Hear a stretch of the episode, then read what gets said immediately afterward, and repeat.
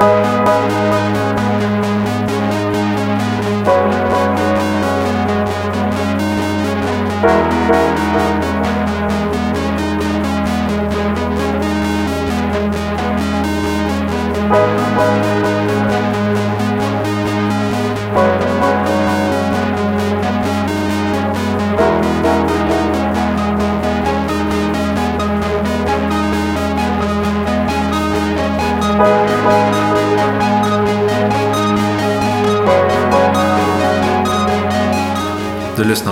på med Christian Ramirez. En plats för samtal om det allra svåraste i livet.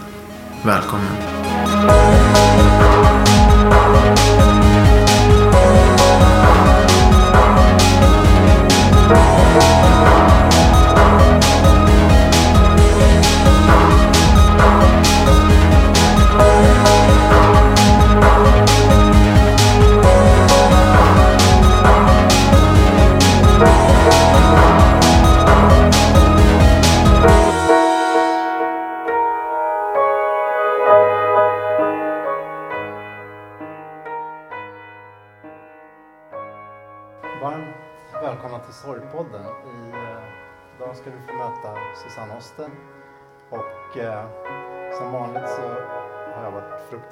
Nervös nu i några veckor.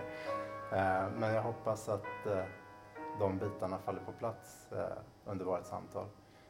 Senast vi träffades här i de här lokalerna så var det Boel Andersson som du känner väl ifrån arbetet med Fall ur tiden.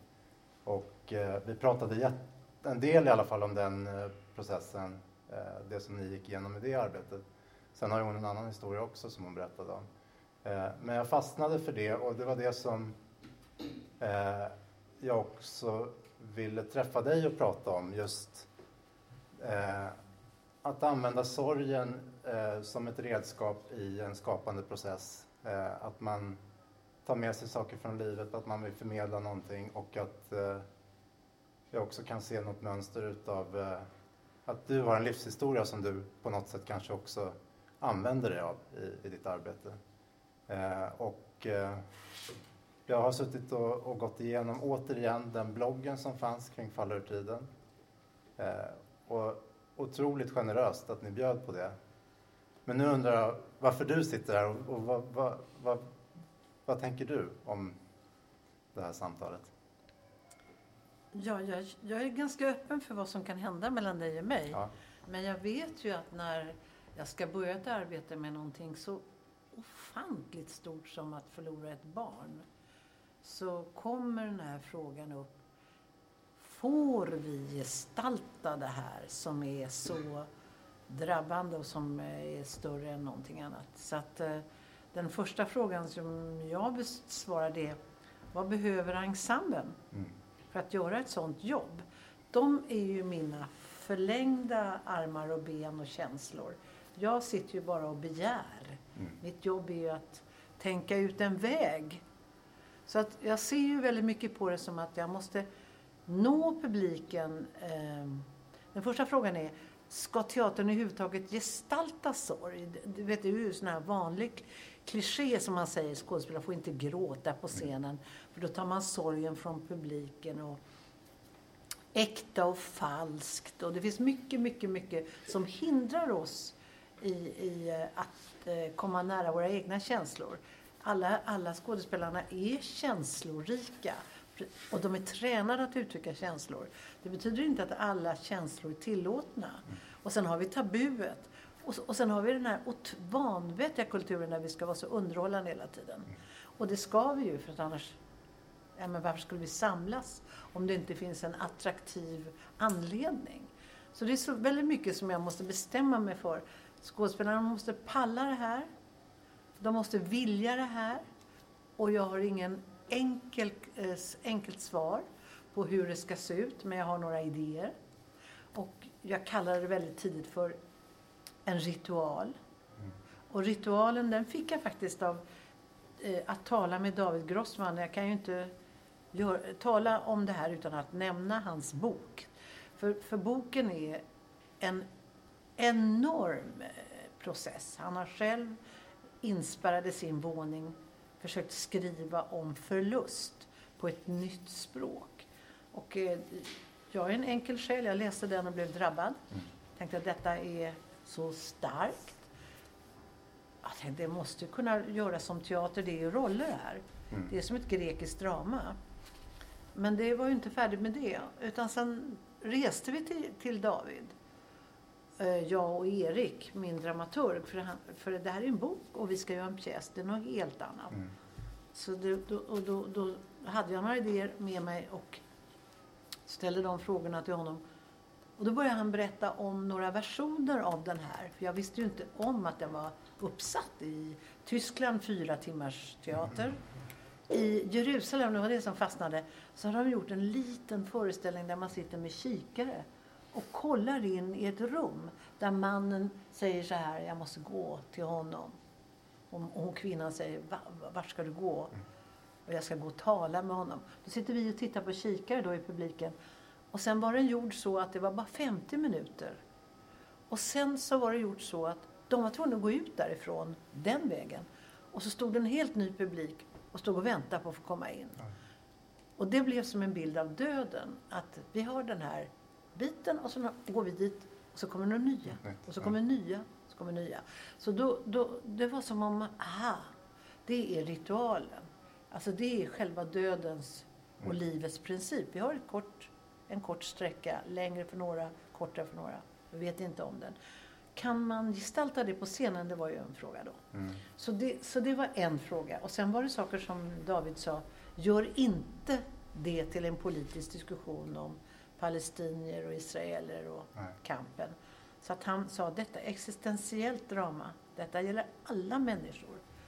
Och det var ju bara att bestämma sig för att det var ju riktigt. Det, När, du, när du får en sån här idé då och åker och hälsar på författaren och ska Mm. presentera det.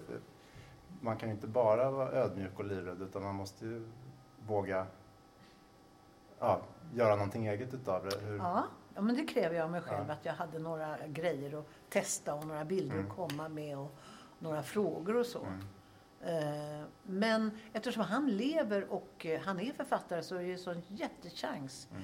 för mig att testa mina idéer mot en levande författare. För det var som första pjäsen med Lars Norén. Jag tyckte det var underbart att sitta bredvid honom och säga Vad menar du med den Ja, raden och vad menar du med den raden? Och han visste vad han menade. David var väl också här och, och Ja, han under kom också, han- repetitionsarbetet. Och, Ja, jag tänker komma och titta på repetitionerna och då blir jag lite nervös. Eh, för att jag har krav på att... Åh. Men eh, mm, det var ju ära. mm. Så vi sa välkommen. Och sen när han kom så var jag ju jättenervös. För då var, hade vi ju arbetat oss till ett uttryck där jag tänkte att var är det här för honom? Här kanske är som en örfil när han ser det här. Men då hade jag den här gruppen med Boel och med Bo som sitter där Mm. och, och människor och Arman. Så, som, jag hade människor som hade sett våra repetitioner och eh, det var väldigt viktigt. Att Mm. vi, det, det var smärtsamt ibland när vi visade saker. Eh, det kunde vara så, så att Boel just sa en dag Nej, men jag har just haft sommaren på mig att glömma det här. Och, och det är som ett stort plåster som jag har på kroppen som du bara sliter av sådär. Mm. För så smärtsamt var det att titta på våra uttryck. Och då så sa jag, vi kan sluta nu om du vill. Vi kan stoppa. Nej, jag är hellre här, sa hon. Mm. Så då tänkte det är väl också en utmaning just som du gjorde i det arbetet. eh, Ett, ett väldigt omfattande arbete innan också där skådespelarna fick träffa då expertgrupper. Både då eh, teaterfolk och sen också folk som hade varit i sorg eh, som var experter på det. Men att då testa materialet mot en sån grupp. Hur, att, som skådespelare stå på en scen och försöka förmedla någonting som en grupp åskådare som faktiskt i och för sig kanske det är så i en vanlig eh, teatersalong också. Man vet ju inte vem som sitter där och, och bär sorg egentligen. Det, nej men det är därför som teatern har väldiga hinder. mm, vi har väldigt mycket föreställningar om vad vi kan göra och inte göra. Vi diskuterar ju hela tiden vad som är verkligt och overkligt och vad en människa är och allt det där. Vi har ju en massa fördomar. Och ett sätt är ju att eh, utsätta sig för det och ta vad som händer. Och det, det, det finns ju bara ett sätt att träna det och det är på människor. Så att om man har då repetitioner där man testar sig så, så är det som vi... Och jag, jag sa, ja vad som helst kommer att hända. Eh, de, några gäspar, några kommer gå, någon kommer kräkas. Vi hade svimningar. Alltså det, det, kroppen reagerar med starka känslor. Det vet vi kommer hända. Eh, vi hade, jag hade en tanke att eh, en av skådespelarna hela tiden skulle betrakta publiken. Så att vi aldrig lämna, övergav publiken. Okej. Så att vi hade, jag kan säga, publika strategier Mm. Eh, som ingår i konstverket då. För det har ju författaren också. Det Mm. går att hämta inspiration ur texten. Mm. Han har ju skrivit fallen ur tiden. Det det. kunde jag inte klara. Nej. Så jag var tvungen att kalla den för falla. Göra ett aktivt verb av det. Mm. Jag klarade inte liksom att det var klart. Nej. Utan det måste hända. Det pågår. Ja, Det Ja. pågår. Ja. Ja. Men du då som, som ledare, hur, hur förbereder man den gruppen då eh, just för en sån situation då att, att eh, faktiskt, och där deltog ju också Boel i många av de här liksom, dramatiska övningarna och improvis- improvisationer och sådär också. Det, eh, Ja, först så bestämde jag mig att det var ett röstverk det här. mm, Att rösten var instrumentet. Och så hade jag då en underbar kompositör som började komponera. Så det pågick ett komponerande och ett instuderande. En av skådespelarna är en gång en utbildad pianist. Så jag visste att mycket av musiken skulle vi kunna... Och två av skådespelarna var utbildade operasångare. Så att då visste jag att rösterna skulle beröra oss på ett sånt sätt som... Och sen tog jag hit en eh, röstpedagog. En röstskådes, en, hon är skådespelare, sångare och regissör, Linda Wise. Från den här metoden med Roy Hart Theatre. Och hon läste ju texten och vi skickade texten och bearbetning på engelska fram. Och hon har ju en lång livshistoria och jag har jobbat med henne mycket. Så att jag, hon var min, kan man säga, min viktigaste medarbetare i det här arbetet. Så att då började vi med rösten och vad rösten kan uttrycka. mm, Och vad rösten egentligen... Det var ju så att han som skapade den där Roy Hart Theatre Legenden säger att han lyssnade på skriken från döende människor i, eh, efter, i skyttegravarna första Mm. världskriget. Wolfson. Och att han sen tog med sig den erfarenheten att människans röst är oändligt stor. Och man kan lyssna på spädbarnet som är gjort att skära genom betong. Eh, Så att, så att vi har instrumentet i rösten, Mm. men vi använder så lite av våra röster. Och för att våga det då, så var vi många från Dramaten som var med på workshop också. Mm. Det var inte bara vi. Så vi skrek och eh, jublade och sjöng och fjantade oss och visslade och allt som man kan tänka sig att det mänskliga uttrycket är. Mm. Och, och gick också på de stora, stora vrålen. och, och alla skådespelarna ställde upp på det bara. Ja, det var frivilligt. Ja. Alltså. Eh, Vill du komma till workshop och delta? ja. Och så, så när vi hade gjort det i ett par timmar, eh, vi värmde upp med att dansa mycket, kropp Ja. och röst, dans, röst, det hänger ihop. Så, så läste vi texten och så sa vi, här skulle man kunna tänka sig att den, den där måsen som du gjorde, Hulta, den skulle väl kunna komma här. Och så, alltså att, sen är det ju ett hantverk. Var kan den där effekten upprepas? Hur kan vi använda det? Och sen sätts det ihop som ett eh, arbete och sen är det ju hela bågar och sen eh, prövar man på publik. Och där ska du veta någonstans var förhoppningsvis det landar och att ha en idé om vad...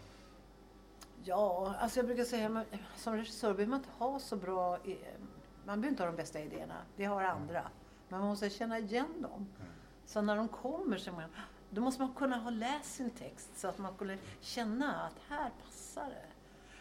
Och sen, det är ett böljande när det gäller idéer. Mm. Jag kan faktiskt inte redovisa det här på något jättebra pedagogiskt sätt. Men det var därför vi gjorde bloggen. Vi tänkte vi skriver vad vi Mm. gör och vad vi är med om nu. För nu är vi inne på okänt landskap. Jag är väldigt, väldigt rädd för det här ämnet.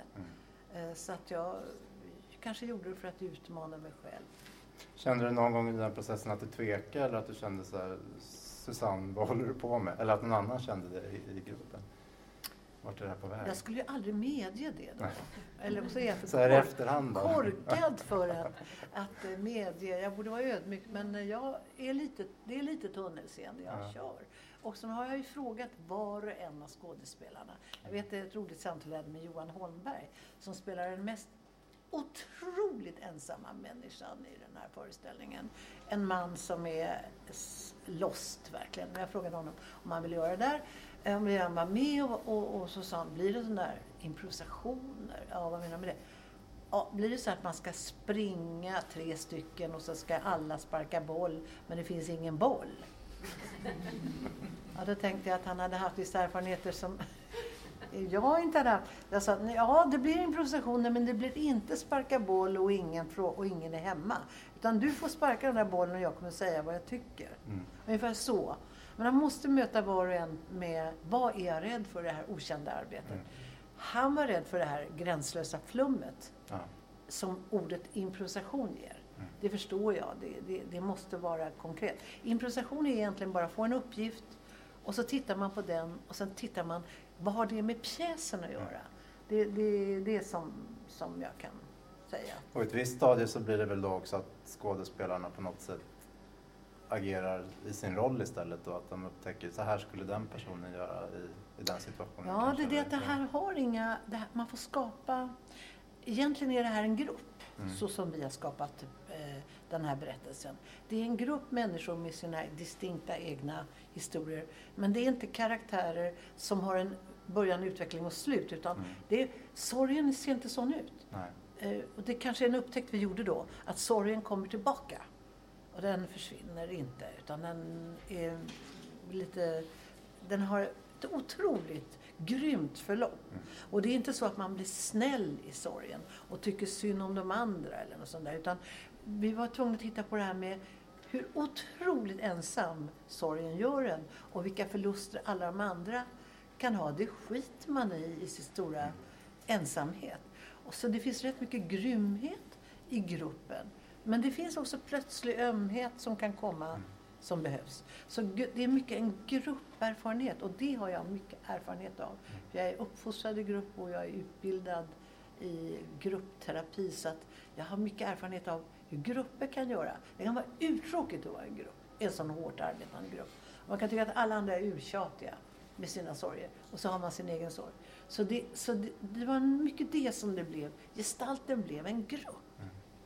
Och sen var det en annan sak som jag fyllde mig med, med nervositet. För det är så att de går mot ett håll där de söker kontakt med andra sidan. Alltså hinsides. Och jag har ingen sån eh, erfarenhet. Eh, jag tar eh, hjälp av musik eh, som alla andra, poesi och så. Men det var en fantastisk, jag tog med en fantastisk bild. Jag var på en konsert i, i eh, Berlin. Och den här bilden hjälpte mig väldigt mycket. Och då visar jag den för er som jag inte har tittat på. För jag är i den här bubblan tillsammans med dig. Men den här blir liksom blekare och blekare den här bilden. Det här är en, en klassisk eh, figur. Och eh, den här föreställningen, den skrämde mig, fyllde mig med fasa. Man skulle gå in i något som heter Black Hole och så skulle man vara med om hypnos och så skulle man tappa alla sinnen, skulle man sitta i mörker. Jag var livrädd. Men programbladet eh, kunde man ju hålla sig och, och, och det gjorde jag också. Och den, den innehöll faktiskt eh, massa meddelanden den där konserten. Det var alla, alla musikerna var utspridda och vi satt bakom en svart sorgflor. Och eh, det var projektioner och sen skulle man gå upp på golvet och bli hypnotiserad och, och läggas ner. Det fanns en frivillighet i det.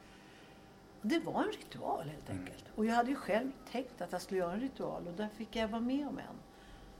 Och hela den här längtan som de här människorna, som David Grossman fyller de här, de här sörjande med. Längtan efter att få en gång, bara en sekund, möta den personen som Mm. man har älskat. Mm. Det, det är, liksom, är så starka krafter i de texterna och den musiken och det vi gjorde. Så att vi drevs över gränser som, ja, hade du frågat mig, ska du regissera det där? Då hade jag sagt, nej det där är inte min grej. För att jag är en sekulariserad människa som jag håller mig på mitt. Men det går inte att vara i närheten av den här enorma sorgetext utan att eh, se vart det där för oss. Mm. Och, och, och vi pratade inte så mycket om det. Och vi, vi, vi gjorde det och ibland sa vi det här verkar mumbo jumbo, det här var inget bra och då gjorde vi om det. Men när det tog kraft i oss, då var det som att vara med om en trans, en ritual. Mm. Och det är Tror det. du att, att eh, vårt samhälle, alltså egentligen som det ser ut idag så i dagens samhälle i Sverige så har man på något sätt systematiskt skjutit undan de där Ja. ritualerna och, och sorgen överhuvudtaget och döden och allt det där, att det inte får ta plats i... Det var väl den eh, diskussionen vi hade. Var är döden i vårt samhälle? Mm. Och de här enormt långa väntetiderna innan någon begravs Mm. jämförde vi med Davids egen eh, sons begravning som var inom några dagar. Eh, och där sorgen är färsk så att säga. Mm.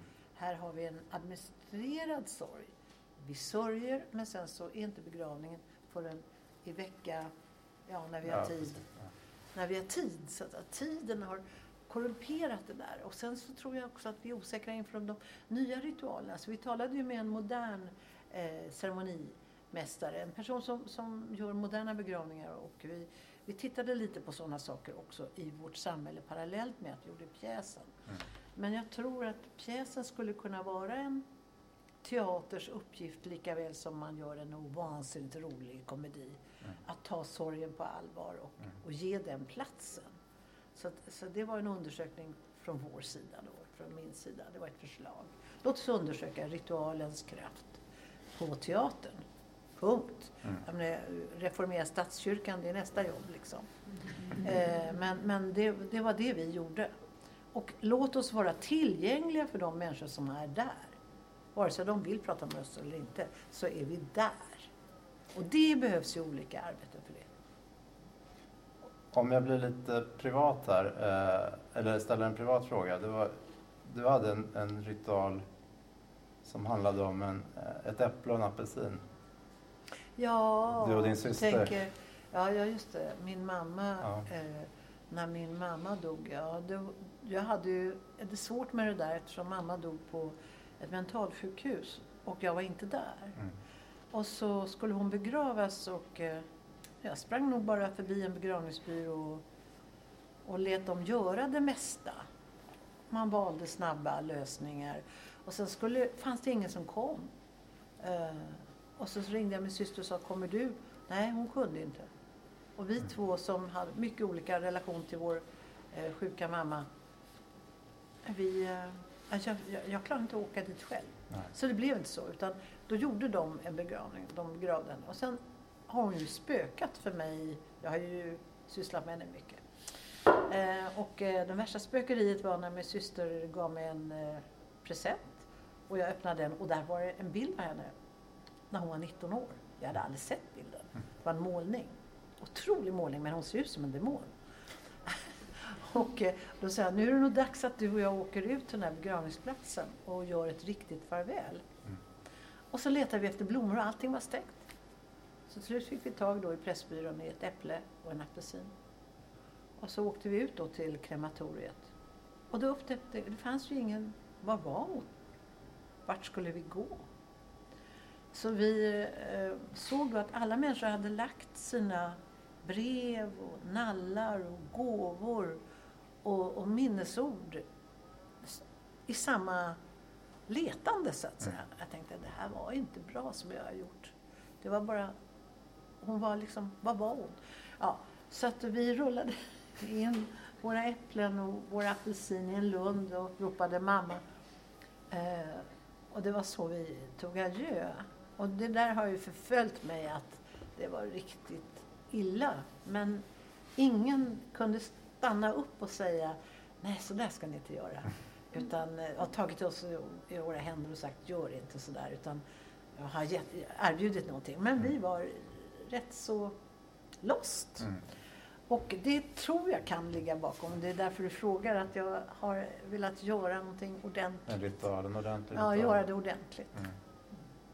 Det gjorde du i och för sig. Det, Eh, men jag tänker också, du, du, eh, du pratar om det att våga. Eh, och jag känner igen mig lite i det. Att, att, eh, att våga sitta här på Dramatens scen med Susanne Osten. Det är någonting som, eh, då måste man vara lite galen.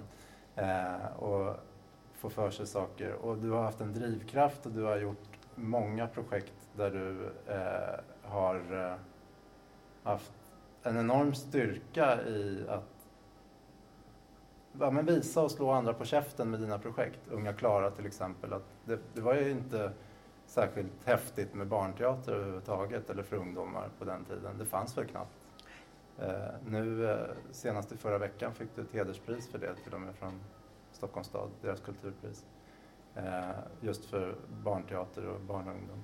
Eh, och eh, du har varit eh, filmambassadör för, för barn också, barn och unga.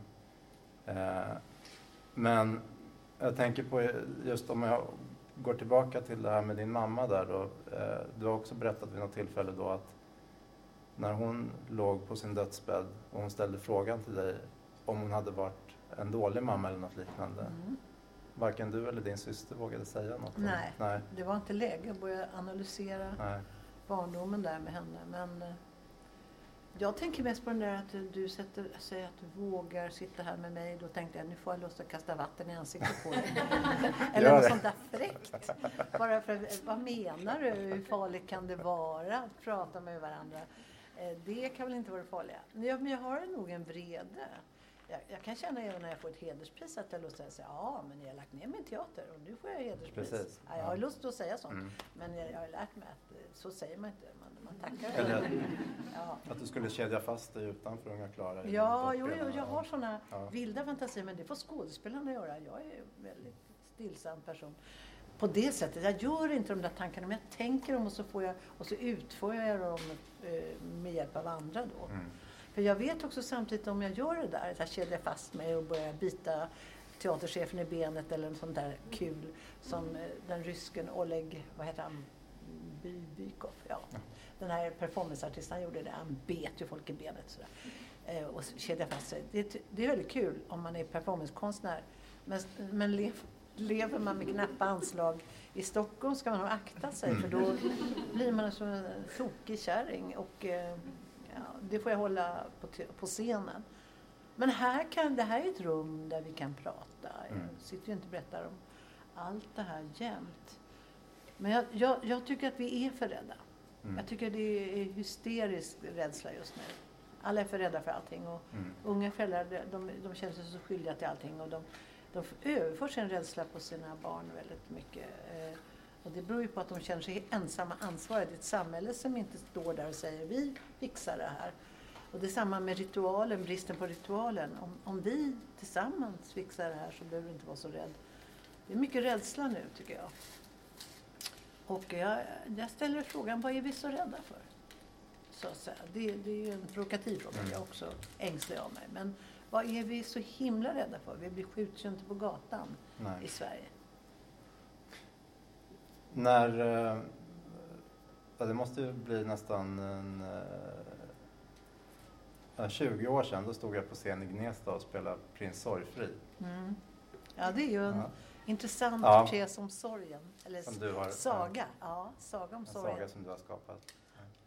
Eh, och då minns jag att eh, eh min lärarinna där, då, eh, Marie-Louise Lorentzon, hon ställde en fråga till publiken. Att, vad är det vi skyddar våra barn för hela tiden? Eh, just eh, våld på tv eller vad det kan vara, nyheter där man ser folk som eh, är döda eller skadade eller vad det nu kan vara. Alltså, det finns ju en tendens att, att skydda barn ifrån en omvärld som man tycker är skrämmande.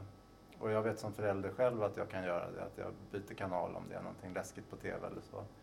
Eh, men, eh, och mitt i allt det här så alltså, skapar du en film som, som stoppas nästan utav censuren då för, för barn. Till slut blev den tillåten från 11 år. Och jag visade den för våra äldsta barn eh, som är då 6 och 10 och de tyckte den var helt magisk. De gick in i den där fantasivärlden på ett helt fantastiskt sätt. Eh, och den diskrepansen då är det att just vad är det som är läskigt och vad är det som, där, man inte censurerar då från, från myndigheterna det våld som finns i filmer och så, men där man väljer att censurera en sån film som du har skapat om psykisk ohälsa och demoner. Och, eh, vad tänker du om det? Ja, jag tänker att det är en felsyn. Alltså, folk kan för lite om hur vi fungerar när vi tittar på fiction, Mm. gestaltad eh, konst. Mm. Då vet vi att det är det och det är där vi tillåter oss fantisera. Det gäller minsta barn. Mm. Alltså så fort de, låt säga med 6-7 då, och ser en sån film så vet de att det är en film. Eh, De kan bli glömma det också, men de vet att det är en film. Och är det allt för läskigt så kommer de krypa bort eller göra något annat. Så de tar hand om det där själva på ett annat sätt. Det är fiktionens möjligheter för oss att släppa. Verkligheten däremot, den behöver man ju hjälpa barn Mm. eh, med. De blir väldigt rädda av Aktuellt och Rapport, det osammanhängande våldet och ska kriget komma och sådana saker. Men en fiction har ju den där, det var en gång och sen gick det. Det finns en struktur i det berättandet. Eh, och jag tror att vi faktiskt inte förstår det. Och vuxna människor är rädda för vad som ska hända deras barn. Och det är ju det som den här fruktansvärda, sorgliga pjäsen handlar om. Att han och hela den, den generationen som är vuxen här har barn som ska göra lumpen i ett krigsområde. Mm. Och de vet, och de går ju på sömntabletter hela eh, den generationen för att de är så rädda att barnen ska dö när de gör gemensam militärtjänst. Och eh, han hade just, eh, David hade just eh, lagt händerna vid en roman som handlar om eh, hur en mamma bestämmer sig för att jag vill inte vänta på min trapp tills grannarna kommer och säger åh vad vi beklagar sorgen. Jag sticker. Så hon, hennes son gör militärtjänsten och hon går ut på en stor vandring. Och när hon kommer tillbaka så står de där förbannat. Och då när han har lagt händerna vid den romanen då dör hans son i detta. Det har han skrivit själv om. Eh, och det är den skräck som varje förälder lever i, att det ska hända ens barn någonting. Mm. Så det är sant och det är existentiellt och det är hur stort som helst. Å andra sidan kan vi ju inte leva med barnen som om de skulle dö hela tiden. Nej. Vad blir det för liv? Nej. Så det har blivit någon slags eh, obalans där, att, vi, att de vuxna är så rädda så de gör barn rädda för småsaker. Men jag tycker att, att verkligheten ska man vara eh, noga med att förklara eller Mm. censurera. Medan Ja. eh, man kan strunta i sagor och, Mm. och dåliga filmer eller bra filmer. Och sådär. Det där är ingenting som skadar. Nej. Och, och, och, och, ska- och, och skadar det så är det ju sånt som bara härdar en inför själva livet som är mycket värre. Min äldsta son Nils-Oskar bad mig ställa en fråga till dig. Mm. Eh, han är tio och undrar ifall, ifall din pappa var en dykarkung. Ah, vad fint. Varför valde jag dykare där? Ja, det var ju för att det är väldigt sammansatta bilder Ja. ofta när man eh, förklär hur det var. Men min pappa var inte dykare. Han var snickare faktiskt. Eh, men jag lärde inte känna honom. Men han var motståndsman. Han, han var en man som rymde från nazismen och kom till via Tjeckoslovakien över Norge. Tyskarna drog fram hela tiden. Så min mamma jobbade med flyktingar och eh, mötte honom i fängelse. Så sen försökte, sökte han jobb väldigt länge och, och väntade väldigt länge på att få ett medborgarskap. Så att han och jag, vi var, hade ingen medborgarskap de första, mina första år där. Eh, eh, så att dykaren är väl det som finns undermedvetet. Det, det, är en, det är en väldigt suggestiv bild med de här dykarna. Jag tog också en väldigt rolig scen som jag inte hade med. Med två dykare som kommer upp med mobiltelefoner för de moderna dykare. Men eh, det, dykaren ligger ju under ytan och Mm. det är en, en, en eh, väldigt viktig vattendröm jag hade med någon, någon säkerhet under vattnet där. Mm. Så jag associerar honom till någon, någon viktig person som jag kunde fått hjälp av. Och du hade, du hade lite kontakt med honom via Ja, vi brev och skrev så? brev. Ja, Mm. jag, har skrivit, jag har hittat mina brev. Fantiserade du om vem han var eller Ja, du iklädde tiden. honom massa roller? Ibland tänker jag att jag kanske har, har hållit på och gestaltat saker för Mm. att jag inte kände honom. Han, han blev aldrig en trist och sträng och gnetig. farsa som du säkert hemåt. det är så orättvist. Han blev en, han blev en hjälte. Ja, det är orättvist. Ja. Jag, jag ska inte fly ifrån dem för att ge dem en hjälte. Äh, nej, ver verkligheten nej. är mer sammansatt. Ja. Så man delar ibland upp sina föräldrar till mm. en, en dykarkung och en verklig. Så mm. din son har ju fantasi om dig också. Ja. Men vi har fantasier och det är fantasierna som vi behöver för annars blir vi galna. Och det är där vi är lika alla. Vi drömmer på nätterna. Mm. Vi skapar hela tiden möjligheter till fly, saker som är... Men det här är ett tillstånd som David skriver om sorgen. Han var så chockad över att han var ju en stor författare och alla hans kollegor skrev så torftiga brev när det hade hänt. Så han tänkte, jag måste uppfinna ett sätt att prata om förlust. Mm. Ett nytt språk. Och det var så smärtsamt för honom så att det fanns perioder när han, det berättade han, där han berättade till tidningar också att han, han kunde nästan inte tänka sig att gå dit, till sin arbetslokal. Då sa hans vänner, ja men varför går du dit då? Eh, och då är vi tillbaka till Boel. Mm. Ja, men jag, jag måste och det, jag kan inte vara någon annanstans. Så att i det här letandet efter ett språk, och det, det vet jag för det är många som har, har eh, liknande förluster som han beskriver här, tycker att den här boken är tröst. Mm. Och hur kan en så stark bok om sorg vara en tröst? Ja, därför att då är jag inte ensam mm. i alla fall. Så orden skapar en slags gemenskap här. Och det är väl, det, är väl det bästa en teaterföreställning skulle kunna erbjuda. Eller en film eller något annat fiktivt. För annars är väl det något av det ensammaste man kan ja. befinna sig i. Det, det är ja. Och där vet jag att du i bloggen Fallartiden så eh, var du inne på det temat några gånger just att att möta de här människorna, att våga eh, prata med den som är i sorg. Eh, ni hade också något fantastiskt uttryck när ni hälsade på varandra som kom från en sjukhusvistelse. Det var någon som berättade om en, en person som var döende så hade sjuksköterskan sprungit in och, och ropat ”var inte rädd” eller något liknande. Mm, och jag kan tänka mig att det finns en hel del skratt och humor i det där också. Att det är, som Boel eh, förklarade att, att sorgen är randig på något sätt. Att mm. det, det, den här teatern, Stora Dramaten, har ju en, en dramaturg som heter Magnus Florin som har skrivit en bok som heter Sorgen är inte randig. Eller heter den inte det? Vad heter den? Ja, den har liknande. Han har skrivit om sorg med det uttrycket mm. i alla fall. Eh, nej, men det fanns också i själva föreställningen ett riktigt skrattmoment. Det måste det finnas, eh, eh tror jag. Men eh, ja, men det är inte mycket att skratta åt. Nej. Passa på att dricka lite vatten. Mm. Man blir törstig av sorg har du sagt också. Ja, vi delade ut vatten. Man blir törstig av sorg. Det är ett arbete att ja. sörja. Det är ett arbete. Det tar liksom inte slut och så tar det inte slut och så tar det inte slut och så, ja, så går Och så fortsätter det. Och så kommer det tillbaka och så mm. fortsätter det.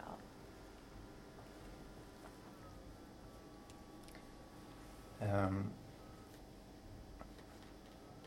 Nej, men självklart så är det ju... Det går ju inte att, att inleda ett sånt här samtal eller med dig då utan att, att, att prata om relationen till din mamma också. Eh, och eh, du har i vissa intervjuer beskrivit det som att eh, du är ett maskrosbarn och att man på något sätt eh, växt, att, att du fick någon genetisk förmåga att överleva just sorgen eller hantera det på något sätt. Men att du också nu senare har valt att, att gå ifrån den beskrivningen av dig själv. Eh, men jag ser ju att eh, du, du, har ju en drivkraft i den livshistoria som du har och du skapar ju historier utifrån det också. Eh, är det ett sätt att bearbeta det eller? idag har jag en helt ny teori. Mm. och den nya teorin skulle vara det att hälften av jordens befolkning är pessimister och den andra hälften är optimister. De som är pessimister de röstar på Trump. Det går åt helvete i alla fall så jag röstar på honom. De som är optimister säger så här, Hillary är väl en skit men hon är i alla fall bättre än, Trump. Så jag är optimist. Alltså det finns hela tiden det där med halvfullt. Ett glas är halvfullt eller det är bara eller det är halvtomt. halvtomt. Mm. Ja. Nej, men Nej, jag tror inte det finns några enkla samband. Jag, jag tror att berättandet och konstnärligheten är en, eh, en serie händelser där man har upptäckt att här kan jag uttrycka någonting. Eller det här kan jag göra. Precis som man av en slump får veta att man har en överjordiskt bra syn och borde kunna bli en och har en koordination som är helt gudomlig. Så man kan alltså bli en sån där flygplansledare på Arlanda. Då, då har man inte valt det på grund av sin barndom. Utan det är en del, en del slumpfaktorer i det här. Mm. Eh, så tänker jag om att eh, jag tänker att den, det som, när du pratar om min mamma, då tänker jag det är många som har sorg i livet för att den människa de älskar har sin hjärna kidnappad mm. och är i händerna på någon rövarband mm. som gör den här människan helt obegriplig. Och då, har man, då är den levande knäppis eller en, en död i livet. Mm. Och att eh, mina vänner som ibland är psykotiska eh, och som har starka medicineringar, de säger att det är som att få hjärnan kidnappad. En, en eh, kvinna som jag känner som, som jag har med i mitt projekt när vi pratar med, om filmen med barn, om att inte skämmas för att man har föräldrar som är sjuka. Mm. Hon berättar ju att socialtjänsten hade skickat en människa till henne med, som skulle hjälpa henne. Men hon tänkte att det där är säkert en, en farlig person, en nazist kanske, som tänker döda mig. Eh, samtidigt så hade hon en massa bruna kuvert som hon inte vågade öppna. För de var ju fulla av pulver ja, så, och skulle döda henne om hon öppnade dem. Men då ropade den här så vänligt där borta, den här socialtjänstnazisten, så hon tänkte, du kan ju öppna mina bruna kuvert, sa hon till henne. Så, och då så gjorde hon det och då dog hon inte. Och då tänkte jag, ja, det var inte pulver i. Det var inte pulver i mina bruna kuvert och hon gick inte åt. Och så småningom så närmade sig de varandra. Mm. Att ha det så och samtidigt veta om att det är något som inte stämmer. Men tänk om man är barn till en sån person. Det är ju något som inte stämmer hela tiden. Mm. Och den förlusten menar jag, den, det är som att när min mamma väl dog, det, jag kan inte säga att det var annat än lättnad. Mm. Så då var det en riktig förlust, även om jag gjorde en taskig ritual av det här och inte förmådde göra det riktiga. Så var det inte, hon har, hon, hon har varit försvunnen så länge. Mm.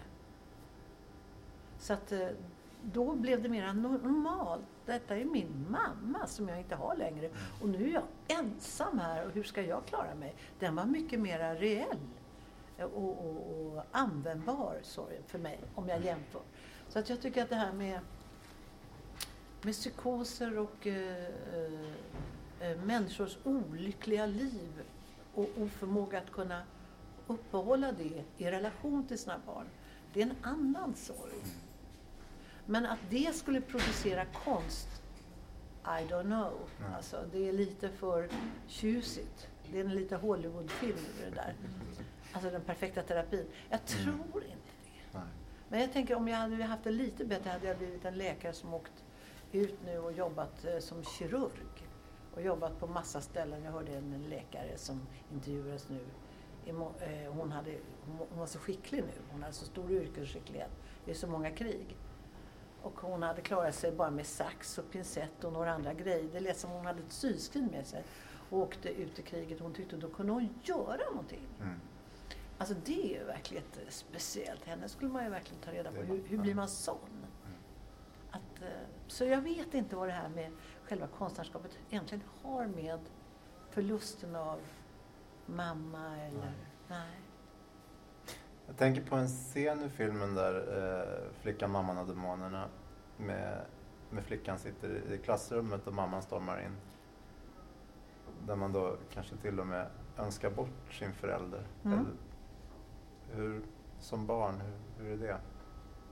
Det bara är så. Mm. Vi är såna, eh, vi är såna gruppdjur. Så att om någon gör bort sig inför ens...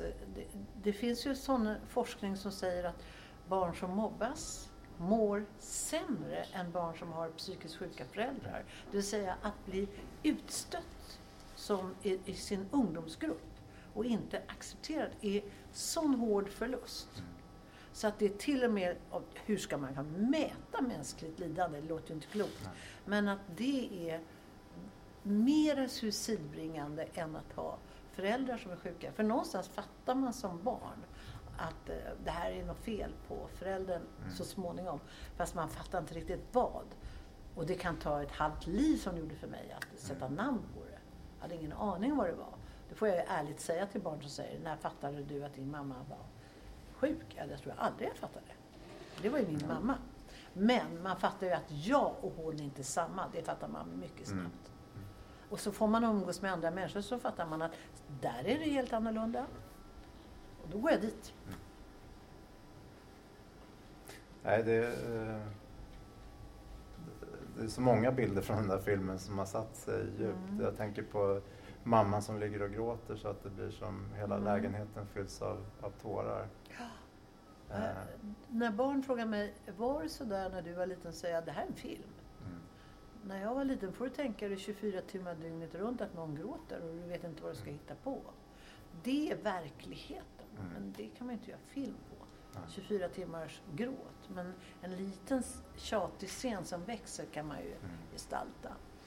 Men eh, mm, ja, alltså Smittades du av de här demonerna på något sätt?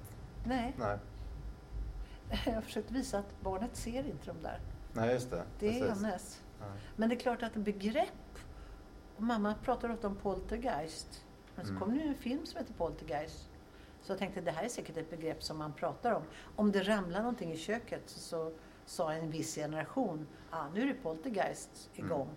Men hon sa det med någon slags mening. Det sa inte mig någonting. Men när den filmen kom så tänkte jag, ah, men det här är inte, det här är kanske språkligt ett språkspel också. Mm. Där hon var oroad. Men samtidigt signalerade någon liten ironi.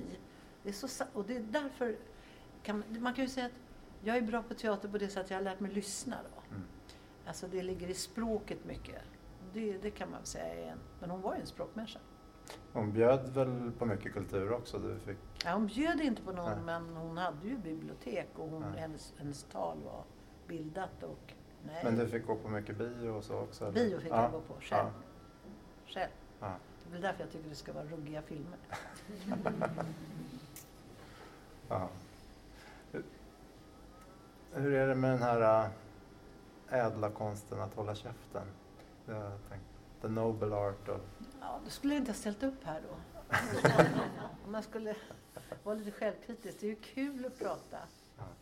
Det är faktiskt eh, min bästa gren att prata och tänka högt tillsammans med mina medarbetare. Mm. Att vi pratar och så kommer vi på saker när vi pratar tillsammans. Så att eh, det är, jag hoppas väl att vi får syn på någonting och att den som lyssnar får syn på någonting. Det ska ju inte vara klart och formulerat och helst vill jag ju att eh, ifrågasätta vad jag själv säger Mm. och röra på det. Men the noble art of shutting up, det är att inte tala om för andra vad de ska göra. Och det är väldigt frestande att göra det. Man kan, man kan ha så många bra idéer. Så när någon kommer med någon, särskilt om barn kommer och bara frågar om någon sån här liten grej så börjar man berätta vad de ska göra och tänka och så. The noble art of shutting up, det är att, att verkligen höra frågor. Jag vet inte om du tycker att jag har uppfyllt ett dugg. Det, det har, eh, Nej, men det vet du vet du inte för jag får gå hem och lyssna på det och se. Precis, du får gå hem och lyssna och tänka. Just det. Nej, jag Där kan- skulle vi vara tysta. ja. Du erbjöd ju mig en liten paus här när du sa att man kan Ja, dricka lite. absolut. Ja, nu, vi Ja. gör det. Vi tar en. Skål.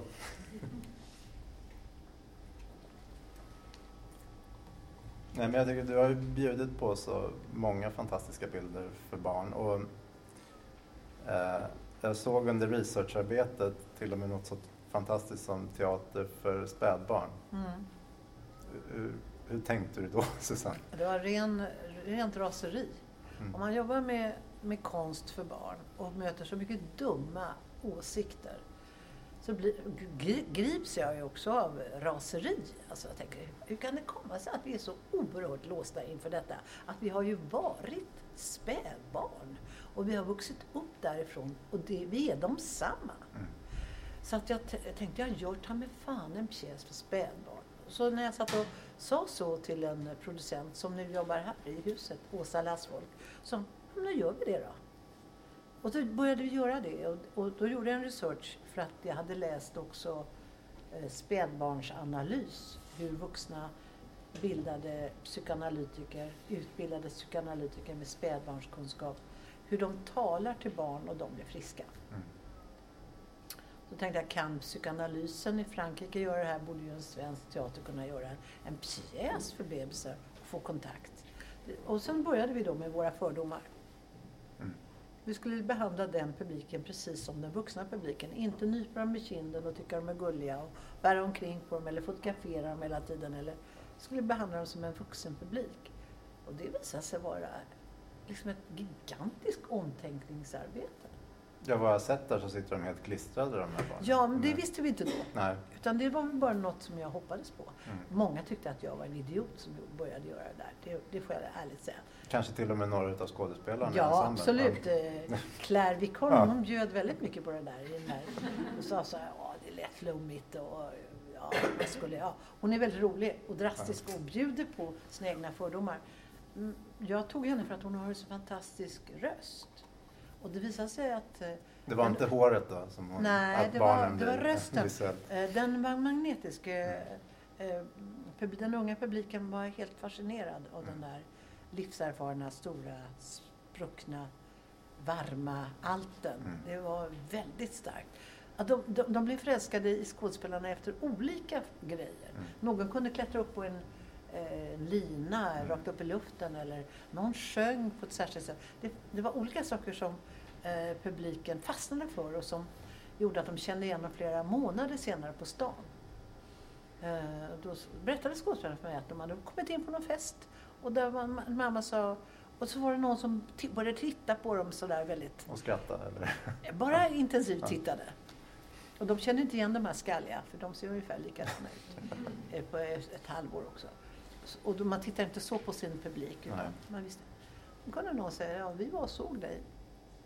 Och det, så det blev en sån här ovetenskaplig feedback på att den publiken som alla säger inte kommer ihåg någonting och inte behöver någonting och alla celler byts ut. Mm. Att det kan göra djupa, djupa intryck. Mm. Vi, vi hade publiken från sex månader upp till 12 månader. Och sen gjorde jag då eh, research på det där, eller skrev om det där och eh, gjorde en dokumentärfilm på det där. Och jag, jag reser fortfarande runt och håller föredrag och visar bilder. Ligger på Youtube sju minuter. Mm. Babydrama. Eh, Det blev en hel genre i Nordkorea. Jag, jag skulle kunna leva på att resa runt och visa er, visste ni att vi var så här smarta en gång? Alltså att det, det, Men hur, hur kan du klura ut alla de här grejerna? För folk sa ju till dig att, att teater för unga kvinnor, det är ju nonsens. Varför Mm. ska man göra det? Men du gjorde det ändå.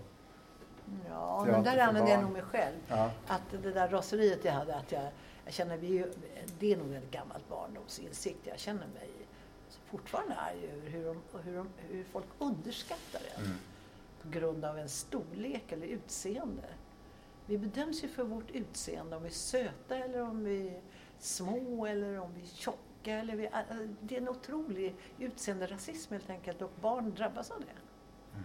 Och sen kan inte barn väldigt tidigt formulera väldigt intressanta status eh, tyngda grejer så att man tar dem på allvar utan man hör barnrösten först. Och då var steget att om jag låter vuxna skådespelare spela intressanta konflikter som vi har som barn, då blir det underbart för barn att se att det där går att uttrycka med väldigt starka känslor.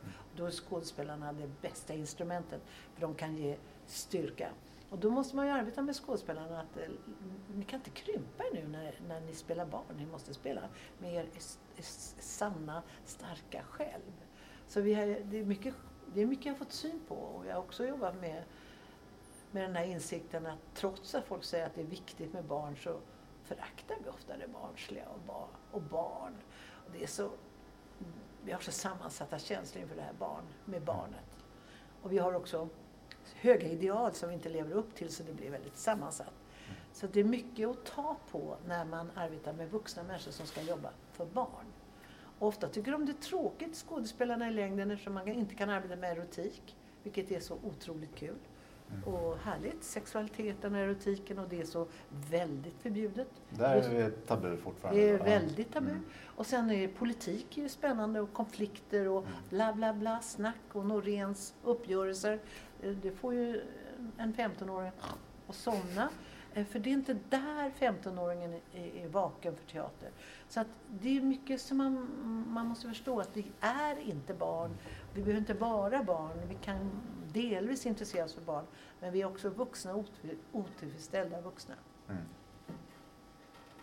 Så att det, det, det går inte att göra, jag la det där, bara spela för barn, det tror jag inte på. Jag tror att vuxna skådespelare är, vill arbeta för Mm. alla möjliga olika grupper. Mm. Det är inte färdigt så att säga med en grupp. Och de utmanar sig själva i det också. Ja, men däremot behövs det en kvalificerad barnteater Mm. som gör nya texter och, och så. så att, eh, eh, det, jag tycker inte det krockar. Jag tycker bara att konstnärerna kan växla mer. Nu när vi sitter här i Bergmans boning. Mm. Eh, Nej, men han är väl inte här? nej, fast eller? eh, då tänker jag på det, om man, om man eh, ser tillbaka på alltså, 90-talet och, och då är det ju du och Bergman som är de stora i Sverige. Äsch. Jo, så är det. Eller hur? Nej, Ja. nej, nej. Eh, men eh, jag måste faktiskt erkänna att du har ju gjort en fantastiskt mycket större gärning då för oss. Nu är jag ju inte så ung längre, men i alla fall. Eh, alltså, jag kan inte se på samma sätt att, att Bergman bidrog med eh, teater för barn och unga, film för barn och unga eh, på det sätt som, som du har gjort. Nej, men Bergman eh, var väldigt intresserad av barnteater. Mm. Han började med det. Det var hans dotter Anna som har berättat för mig. Jag har ju en liten love story här med Bergman. Håller på med hans filmmanus. Och försöker att eh, göra min egen tolkning av det. Mm. Så att jag, eh, jag tycker att man måste se honom i sin, se honom i sin tid. Mm. Och sen se vad han lärde sig av att jobba med barn. För han och hans första fru, Else Fischer, de gjorde någon, en pjäs som heter Clownen Beppo. Mm. Och sen jobbade de inför en barnpublik. Och jag tycker alltid när jag ser hans filmer och så, att han har den där förmågan att hålla åskådaren på spännings. Mm. Precis som man måste nästan vara, man måste nästan vara helt intresserad av det som, som, som regissör. Att jag ska hålla den här publiken på topp. Mm. Så att de verkligen eh, är med. Om man är intresserad av det, då kan man fånga en barnpublik, även bebisar. Om man, är intresse- om man vet vilka grejer man ska göra. Men bebisen kan man inte göra så här. Titta på mig nu, det gör de inte. Där är en andra tekniker. Men så fort det liksom finns en, en story, så att säga, och man uppfattar storyn, så är det spänning, suspens. Jag fick ju pris för det faktiskt, för Flickan, Mamman och Demonerna nu i Houston. Mm. Fick jag ett filmpris för bästa suspens, thriller. Just det. Ja, inte ett ord om barnteater, Nej. eller barn. Nej. Ja, det var så skönt. Jag kunde rulla mig i det där, att det var spänningen. Och det, om man ska titta på Bergmans filmer ska man se vilken förmåga han har att hålla spänningen. Även om de har ändlösa monologer eller man inte hänger med eller man tycker det är litterärt, det spelar ingen roll. Han kan hålla oss igång när det är som bäst. Och det har han lärt sig av att jobba för barn. okej. Ja, det är jag helt övertygad om. Om man har gjort medvetet bruk av det eller inte. Men han hade den förmågan att, för han tyckte ju då att Mats Ek skulle börja med barnteater här på Dramaten och, och gjorde ju Romeo och Julia och sådana där saker. Han tog de bästa, att satte ändå, det, han hade ambitioner och höga ideal. Det var klassiska ideal kanske, det kanske var sagor. Jag kommer ju, jag är en annan generation, jag är på, samtidspolitisk, det var inte Bergman. Nej. Och jag har varit feminist hela mitt liv, det var aldrig Bergman, möjligtvis några minuter. Men, men, men, men eh, så en människa är ju i en tid. Eh, och, han, och så stor som Bergman är, alltså han blev the man of the year 1969. Vad gjorde jag då? Ja, då, då var jag och alla mina eh, kvinnliga vänner, vi startade Grupp 8. Vi, vi trodde på kollektivet och samhällsförändring. Då var han redan en ikon filmiskt. Mm. Så, så på ett sätt så tycker jag att man kan inte jämföra människor. Eh, jag, le, jag lever ju och Bergman lever inte. Det kan man säga är en stor skillnad. Men jag är jätteglad för det. Mm. Och att eh, vi har fått ta del av det här samtalet. Eh, jag känner mig helt golvad. Jag tycker det är jätte, jättehärligt att du har fått eh, Nu måste jag kasta här. vatten på det lite. Ja, gör det. Tack. Tack så jättemycket Susanne.